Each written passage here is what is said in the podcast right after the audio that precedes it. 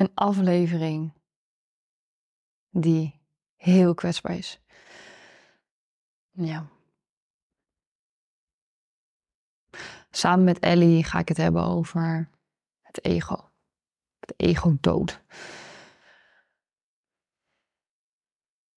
Een gesprek dat heel veel indruk op me maakte. Waarin ik echt mocht voelen. Ik me niet mocht focussen op iemand anders, maar op mezelf. ja, de volgende dag na de opname van deze aflevering stond ik kotsmisselijk op. Ik was zo duizelig. Ja. Dit gesprek en dan ook nog dit delen maakt veel bij me los. En toch voel ik dat het juist is. Ik voel dat ik niet de enige ben. Ik voel dat ik niet de enige ben die hiermee worstelt. En ik wil jou graag hierin meenemen.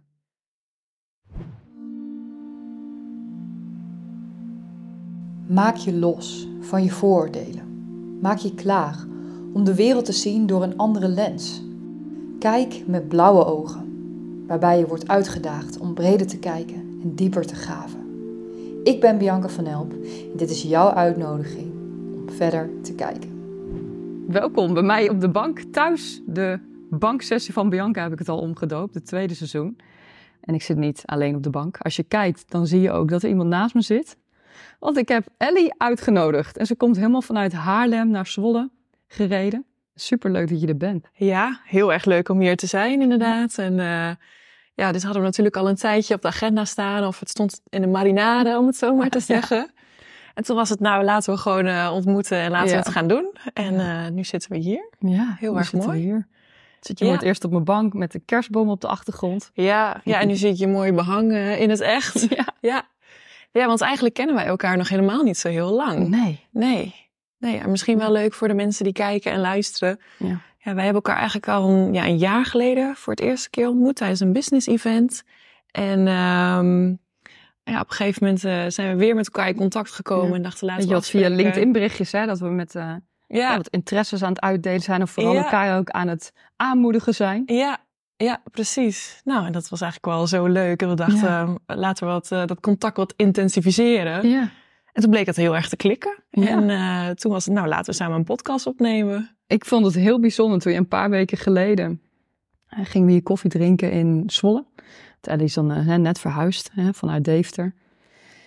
En ik dacht ook van, wow. Toen ik jou weer zag, dacht ik echt, het is niet dat we elkaar een jaar niet hebben gezien. Toen dacht ik soms wel van, hè, wat gek, want we woonden zo eigenlijk dichtbij Zwolle Deventer. Ben je net, net verhuisd? Dat ja. is ook wel weer heel typisch hoe dat dan gaat.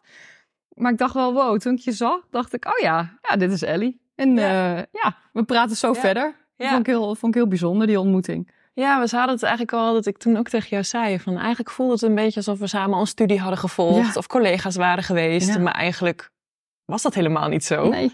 Maar ze voelden het wel en ze voelden het nog steeds. En, uh, nou, nu misschien, we hier. Ja, misschien herkennen anderen dat ook. Uh, ik hoop het. In ieder geval, het is heel leuk dat je op die manier contact hebt. Ja, dat is misschien gelijk wel leuk aan de mensen. Hebben jullie het ook wel eens gehad? Dat je mensen ontmoet of uh, herkent of, of ja, ontmoet dan en denkt van... hé, hey, die herken ik ergens van of die heb ik al eerder ontmoet. Of het stroomt gelijk, het voelt gelijk vertrouwd. Ja. zo hadden wij dat in ieder geval. Ik ben benieuwd of mensen nog meer dat soort ervaringen hebben ja, gehad. Inderdaad. Ja. ja. mooi inderdaad. Ja. Waar gaan we het vandaag over hebben? Want ik uh, denk wel een beetje van, oeh, ik weet een klein beetje het onderwerp, maar ik denk wel van, oeh, een soort therapeutische podcast sessie uh, wordt het zoiets, ja, toch? Ja, we gaan lekker de diepte in inderdaad. En um, nou, jij gaf zelf wel aan van, goh, er zijn wat thema's die bij mij in mijn leven spelen, die, die komen op jouw pad elke keer weer terug. Ja. Nou, een van die thema's is ego-dood. Ja, dus toen dachten we, ja. nou laten we daar dan een podcast over opnemen. Ja. En uh, dus toen kwam ik gelijk al met de vraag van ego-dood, maar hoe denk jij er eigenlijk over? En je zei, gaf al aan van, er zit eigenlijk nog, ik, ben dat concept nog eigenlijk een beetje aan het vormgeven. Ik krijg hem elke keer wel weer terug, ik krijg hem wel weer terug. Maar wat betekent het nou eigenlijk? Ja, ja dat is ook eigenlijk, daar kun je heel erg induiken. Nou, en toen uh, dacht ik van, nou laten we dat dan gelijk in koppelen aan jouw dagelijks leven. Hoe kom je ego-dood eigenlijk tegen? Of wat betekent ja. dat eigenlijk voor je? Nou, en daar uh, gingen jouw oren wel van open. Ja, Toen dacht ik, yes, dat wordt het. Ja, ik dacht wel vooral, oké, dat wordt ook wel... Ehm, het is ook wel spannend om daarover te delen. Want ik zat ook te denken van ja, hoe zou het zijn als, dit, als we dit delen in een therapiesessie. En uh, nou, we zitten bij wijze van spreken niet... Uh, we zitten wel op mijn bank, maar niet met al deze camera's en microfoons. Hoe zou dat dan zijn? Ja. Maar dit is ook een, ja, het is een experiment om, om te kijken hoe het is. Ja. Om hierover te delen. En ja, dit vooral te ervaren. Dus ik vind het uh, ja, super gaaf dat ik dit mag, mag gaan ervaren. Ja. En een beetje spannend maar voor jou ook, hè? Want voor jou is het ook de eerste keer dat je een podcast-aflevering maakt. Ja. ja, ik ben een keer inderdaad wel een keer geïnterviewd voor een, een documentaire. Maar dat was eigenlijk mijn eerste ervaring om zo echt met mijn eigen visie, mijn eigen gedachten, uh, ja, dat het zo centraal kwam te staan. Ja. Eerste keer een podcast past op deze manier. En normaliter werk ik juist heel erg met lichaamsgerichte therapie, dus massagetherapie. Dus eigenlijk wat, waar we het nu over gaan praten, is dat mensen dat normaal gesproken heel gaan ervaren en ontdekken. Hmm. En heel erg dat lichaam dat laten vertellen. Dus dit is voor mij een, uh, ook een experiment. Maar ja, ik hou wel van een experiment. Dus laat het gewoon kijken waar het op uitloopt en uh, we gaan het zien. Ja, we hebben wel een klein beetje al iets op dat vlak gedaan. Hè? Ik zei al van, ah, het is denk ik best wel leuk om in ieder geval degene die het nu bekijken, om het ook te laten zien. Want we hebben net voor de podcastaflevering hebben we ergens op gestaan. Hè? Ik zou hem even bijpakken. Een geweldig leuk kussentje. Dus voor de mensen die kijken kunnen hem zien. Voor de mensen die luisteren ja, het is een soort blauw schuimkussentje. Het is eigenlijk bedoeld voor Pilates. Um, en, en ja, er zijn echt nog meer professionele kussentjes dan deze. Uh, maar deze werkt al heel erg goed. En uh, nou, je mag wel eens uitleggen wat we hebben gedaan.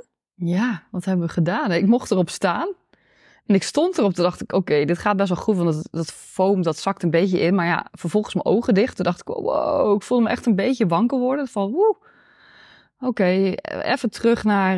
Uh, ik stond ook best wel smal ook met. Uh, ik stond me heel smal op het kussentje ook, zeg maar. Ik maakte mezelf ook wat klein. En toen dacht ik wel, wow.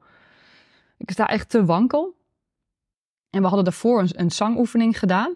Om ook te kijken van, hoe klinkt dan je stem? En daarna op het kussentje staan. En toen stond ik dus eerst ook al wat wankel, vooral toen ik mijn ogen dicht doen, deed. En toen dacht ik, oh, ik ga even iets breder staan. Dat voelde al wat beter. En vervolgens ja, hoe noemde jij dat ook alweer zo mooi? Moest ik alle punten bij langs gaan? Hoe noemde, hoe noemde je ja, een soort van die fundamentele balansplaten. Oh ja, de balansplaten, ja. Ja, en dan heb je verschillende van in je lichaam. Bij, eigenlijk bij elke gewricht ja. heb je ze. En dan op een gegeven moment ook bij je diafragma, bij je hart, bij je keel, eh, bij je zevende chakra, dus bovenop je hoofd. En zodat je die manier een beetje kan herbalanceren. Ja. En eigenlijk wat je doet is je checkt gewoon in bij je eigen lijf.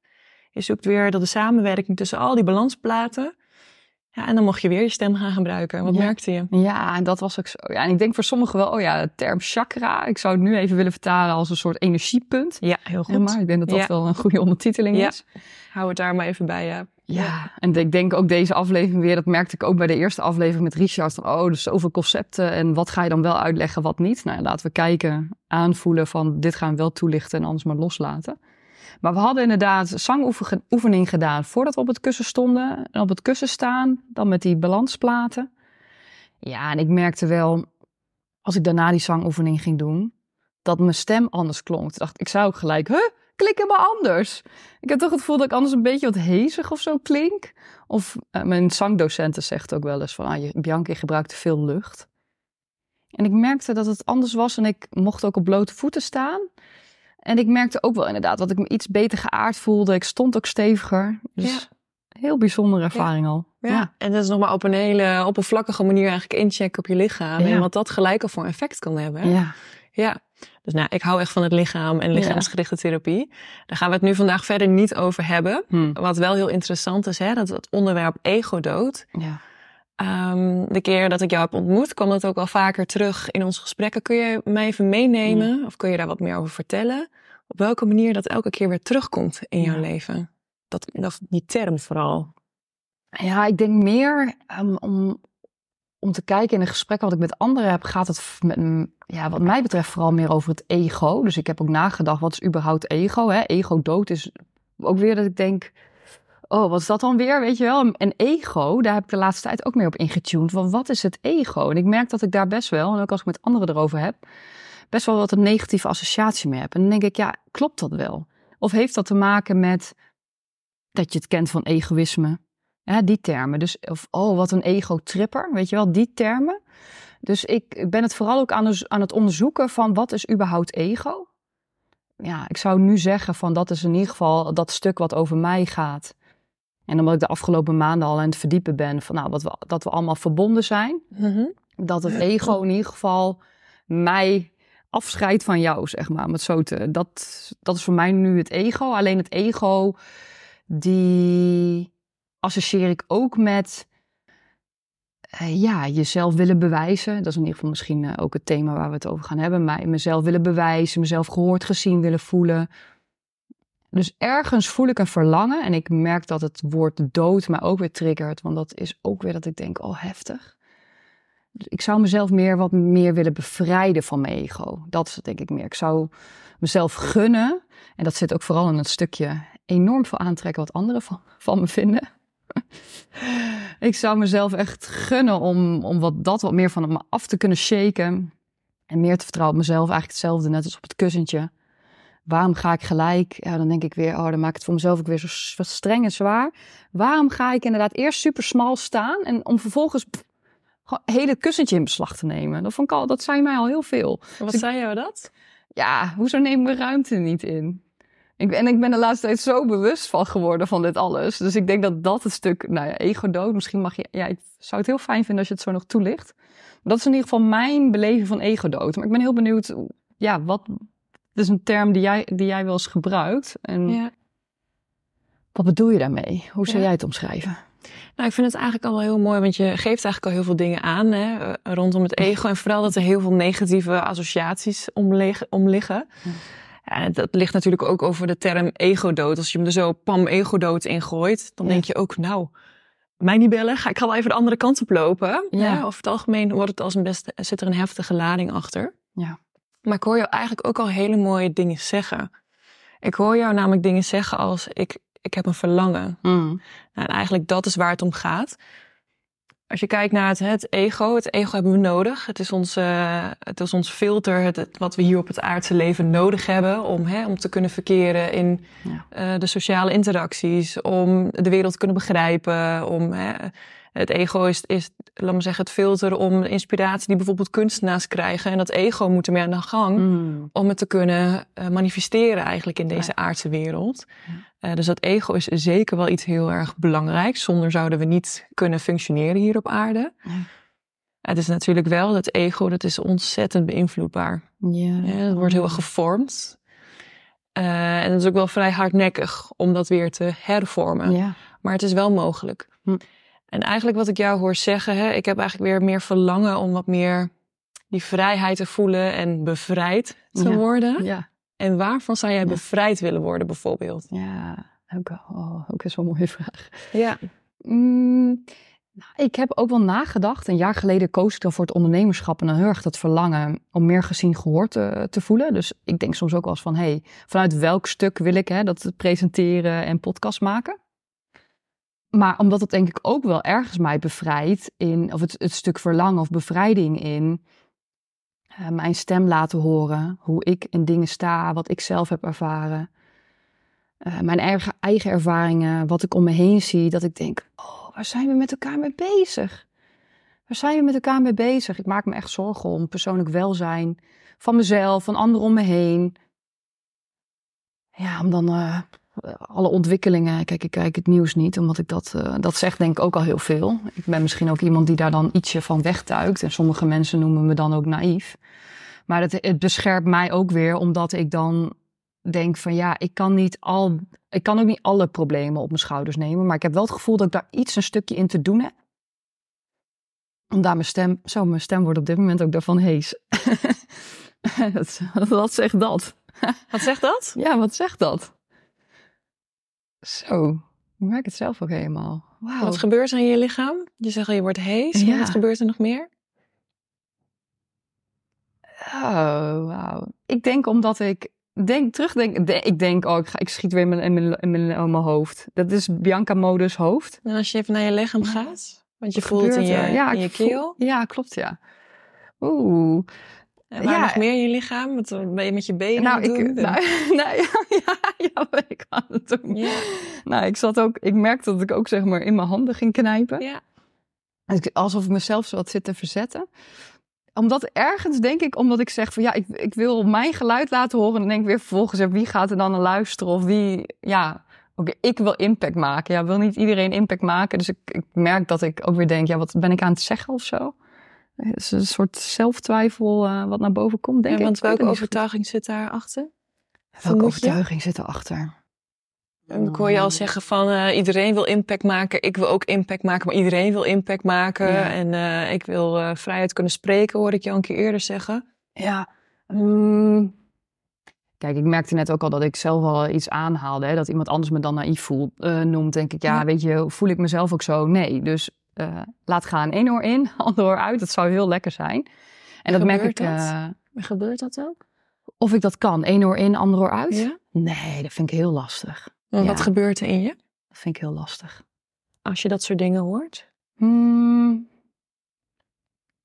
Nou, wat, wat, er, wat er met mij gebeurt als ik uh, bijvoorbeeld feedback of een mening van iemand anders krijg, dan ben ik altijd al heel erg bezig met: oh ja, wat vindt diegene dan? En oh, wat kan ik daar dan zelf anders aan doen? En oh, kan ik mezelf dan ver verbeteren of kan ik mezelf aanpassen? Of en om dan het stapje, ik ben me nu wel bewust van dat ik dit doe, maar om nu het stapje te maken naar, oh nee, wacht even, diegene vindt dat. Maar wat vind ik daar zelf eigenlijk van? En dat is net denk ik hetzelfde als ik net aan het praten ben over hetgeen wat mijn wens is, verlangen is, of misschien een, een overtuiging die eronder ligt.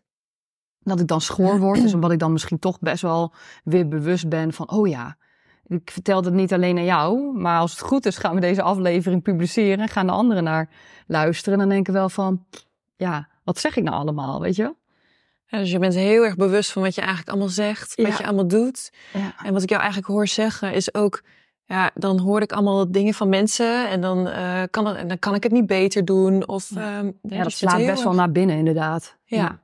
Dus ik hoor je eigenlijk zeggen van, hè, mijn prestatie die mag eigenlijk nog beter en nog meer verfijnder en nog meer stukje perfectie? Wat je van jezelf verwacht? Hmm, ja, ik heb altijd een beetje moeite met de term perfectie. Misschien zegt dat ook wel wel wat. Ja, wat zegt dat voor jou? Ja, volgens mij is dat in die zin ook onnastreefbaar of perfectie. Ja. Nee, ik, ik, ik moet zelf weer wel denken aan human design. Want ik heb met human design reading ook over gehad. In de eerste aflevering hebben we het gehad over human design. En ik vond het op zich wel heel fijn dat zij ook zei van... Ja, ik weet niet, Bianca, perfectie of dat het meer is. Maar het gaat bij mij ook wel over schoonheid. Dus er zit een stukje kwaliteit. En misschien dat ik nu mezelf aan het goed praten ben. En we gaan zo meteen het oordeel van Ellie horen. Want ik zie dat ze er wat van vindt. Ik, eh, ik ontdek een mechanisme, laat ik het zo zeggen. Dus ze denkt, een, oh, echt een mechanisme. Ja. Nee, dus ik, ja, perfectie. Waarom ik daar nou streef? Of ik ben even de draad kwijt. Of waarom ik dat zo belangrijk nou, vind. Nou, jij zegt, jij zegt er, zit een, uh, er zit een lading op het woord perfectie. Ja. En jij zegt van, nou, human design en die heeft ook over schoonheid. Ja. Maar is perfectie en schoonheid, is dat hetzelfde? Nee, perfectie heeft ook voor mij weer wat een negatieve associatie. Dat is Mhm. denk ik ook wel. Want welke, wat, waar associeer je perfectie mee? Ja, dat dat ehm, ook wel nep is, denk ik. Ja, denk ik dat dat mijn associatie is. Van hoe eigen is dat dan? Mm, en niet heel authentiek, denk ik, dat Ja. dat perfectie is. Terwijl het ook wel, dat ik ook wel, ergens voel ik ook wel dat ik denk, ja, maar als het iets perfect is, wat is daar dan verkeerd aan weer? Weet je wel? Dus, wat vind ik daar eigenlijk zelf van? Hm. Dus er zijn nog wel wat overdenkingen over. Ja, ja. Ja. Ja, ja. Nou, eigenlijk als het hier, hè, ik hoor jou heel wat dingetjes al mooi zeggen. hè. Ook wat je al tegenkomt in het dagelijks leven of dingen waar je over naast te denken, termen, concepten, et cetera. Als we deze even weer terugpakken richting het, het ego-doodgedeelte. Hè? Kijk, een ego-dood, ik gebruik hem in mijn dagelijks leven, gebruik ik de term eigenlijk niet. Ook niet met de mensen die bij mij komen om, eh, Nee. voor massagetherapie. Het is, het, is, het is maar een, een vakjargon eigenlijk. Hè? Ja. Maar eigenlijk, hè, als we dan toch even weer terughaken op dat stukje ego-dood. Mhm. Dan hoor ik je al wat verschillende dingen zeggen van ja, maar hoe eigen is dit? Hoe, Ja. ehm, Wat is van mij? wat is van mij? Wat is eigenlijk van de ander? Ja. Nou, eigenlijk waar het om gaat is op het moment als we als we ons socialisatieproces doorlopen, hè, de opvoeding door ouders, uh, de, de, het collectieve cultuurgoed uh, op school, uh, noem het maar op, alle normen en waarden en ja. um, gedragingen die er wel mochten zijn, welke er niet mochten zijn. Zo vormen we eigenlijk onze persoonlijkheid rondom ons ego heen. Ja. Waarom, waarom is dat eigenlijk? Weet je waarom dat is? Waarom we dat zo ehm, doen? Zou ik er zo even op, op okay, ja, Ja, ja, ja. Nou, en eigenlijk wat er dan gebeurt, is dan zijn er delen in ons die juist naar voren schuiven of die we ontwikkelen, die we aan de buitenwereld laten zien. Ja. Om inderdaad maar, hè, daar komen we dus zo op, om geaccepteerd te worden, om niet mm. afgewezen te worden. Ja, ja. En er is een deel in ons, hè, dat meer dat authentiekere deel, dat eigen deel. Ja. En dat moet eigenlijk wat meer naar de achtergrond verschuiven. En soms zelfs juist heel erg afgedekt worden. Mm.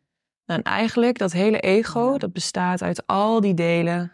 Um, dus het innerlijke deel en ook datgene wat je er allemaal omheen hebt gefabriceerd om maar mee te kunnen doen in de sociale interacties met mensen en geaccepteerd te worden. Ja. En eigenlijk wat je dan weer gaat doen is je gaat kijken en zeker, hè, dat is vaak wat er bij mensen gebeurt, vanuit een bepaald verlangen om eigenlijk weer terug naar je eigen essentie te gaan. Dus die delen die echt authentiek bij jou horen, hè, waarmee je hier op de aarde bent gekomen en zet aan bepaalde soort kwaliteiten, energieën, een rol dat je hier te vervullen hebt, waarvan we vaak vergeten zijn wat, dat, wat die dingen zijn. Maar je gaat het tegenkomen omdat de dingen in je leven niet lekker lopen. En dan voel je een bepaald verlangen ontstaan. Maar ik wil het anders dan hoe ik het nu doe. Ik wil anders dan hoe ik nu denk. Ik wil anders dan hoe ik nu voel. Want ergens voelt het niet eigen. Ergens voel ik dat ik afgespleten ben bij mijn diepere kern. Ja. En dan kom je dus te maken met die delen in het ego. Die eigenlijk niet authentiek zijn van jou. Maar die je gefabriceerd hebt om je aan te kunnen passen. En die ga je aankijken. En langzaamaan, langzaamaan zullen die sterven. Nou, en dat is, is dan niet dat je ze bij wijze van spreken in jezelf doodschiet en het mag er niet zijn, want dan worden ze springlevend. Ja. Eigenlijk wat je gaat doen is je gaat heel erg kijken naar, met compassie naar die delen. Het zijn overlevingsdelen. Mhm. Ze zijn er gekomen eigenlijk om jou te beschermen. Dus het zijn allemaal hele waardevolle delen. Alleen niet meer op lange termijn. En niet mm. voor duurzame geluk, niet voor die duurzame vrijheid. En waar je dan gaat naar kijken is wat hebben die delen, wat proberen die eigenlijk in jou te beschermen. Ja. Dus bijvoorbeeld de innerlijke criticus, die probeert een, een kindsdeel in jezelf te beschermen van iets wat vroeger hmm. anders voor mogelijke afwijzing of pijn ja. uh, verzorgde. Dus je gaat kijken naar die innerlijke criticus. hey, waar probeert hij mij voor te beschermen? Voor de pijn van het kleine kind. Ja. Oké, dan gaan we dus naar dat kleine kind toe. Wat voelt hij, wat er niet gevoeld mag worden? Wat dacht hij, wat er niet gedacht mag worden? Wat waren die delen in dat kind wat niet veilig was om aan de buitenwereld te laten zien? Ja. En dat ga je dan alsnog geven. En langzaamaan gaan dan die delen, die die beschermdelen, die worden dan steeds minder krachtig en minder krachtig. Maar nu is dat ego heel sterk. Ja. Dus dat ego, die hoeft maar een klein triggertje te krijgen. En woep, dat beschermmiddel, mechanisme, dat staat weer recht overeind. Ja. En eigenlijk zijn dat hele mooie momentums die elke keer gecreëerd worden. Want elke keer als dat beschermmechanisme omhoog komt, betekent dus dat er ergens iets beschermd moet worden. precies. En dat er dus ergens nog iets zich onveilig voelt om er te laten zijn. En dat is dan weer een mooie ingang om nog weer een keer te kijken, wat heb je nu echt nodig? Ja. Nou, en daarom, hè, ego-dood klinkt dan gelijk zo heftig. maar als je hem eigenlijk op deze manier verwoordt, is het veel meer... hey, delen die dysfunctioneel voor je zijn, die hebben ooit hun dienst gehad. Ja. En die kun je dan uiteindelijk steeds minder in hun kracht die mogen als het ware een soort van, jullie hebben jullie dienst gedaan, jullie mogen op vakantie als ja, het ware. Ja, ja, zijn ontslagen. Ja, precies. En dat kan je dan ego-dood noemen. Mm, ja. Zodat het eigenlijk echt die essentiële delen, en dat gaat veel meer over verbinding, dat gaat veel meer over inspiratie, dat gaat veel meer over um, het verbonden voelen met anderen. Dat gaat veel, um, ja, veel meer over de diepere essentie van waarom we mensen als mensen bij elkaar zijn. En die andere ego-delen, dat gaat veel meer over hoe kan ik me het best presenteren? Um, ik, um, ik moet een, een goed groot huis om me heen hebben. Of nog meer spullen. Oh. Of nog meer materiaal. Die denkt altijd in, in tekorten oh, vaak. Ja.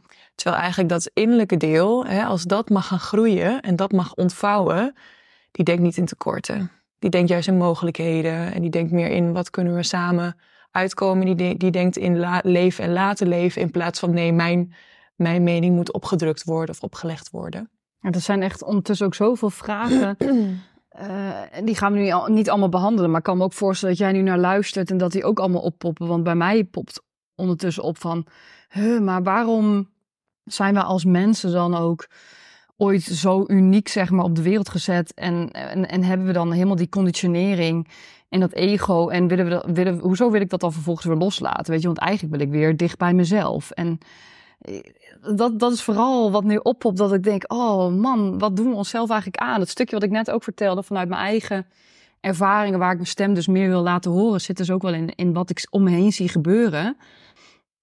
En dat geeft ook wel aan, dat heeft te maken met mijn eigen sensitiviteit. Dat geeft ook wel aan wat ik om me heen zie en zelf voel, omdat ik eh, daar sensitief voor ben en dat ik daar ook last van heb. Ja. Maar ik merk ook, als ik me daar wel over uitspreek, dat ik dan ook niet de enige ben. Alleen wat ik lastig vaak vind, is dat ik vaak de eerste ben die ergens dan maar over misschien begint. is dat jouw rol. Ja, ja, ja. Maar als je, dat we het dan over super... human design hebben, dan... Je moet maar zo hebben over, hè, want misschien voor de mensen die jou verder nog niet kennen, want wat zegt jouw human design daarover? Ja.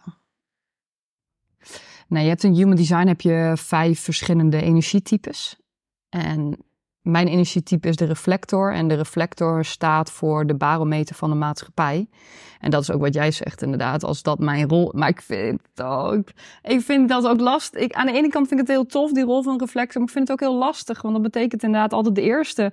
Stel dat je inderdaad in een kokende pan zit. Uh, de kikker in de pan is het toch, zo'n spreekwoord. Dan denk ik, oh, dan ben ik altijd de eerste kikker die ergens last van heeft. En die dat dan aan moet geven.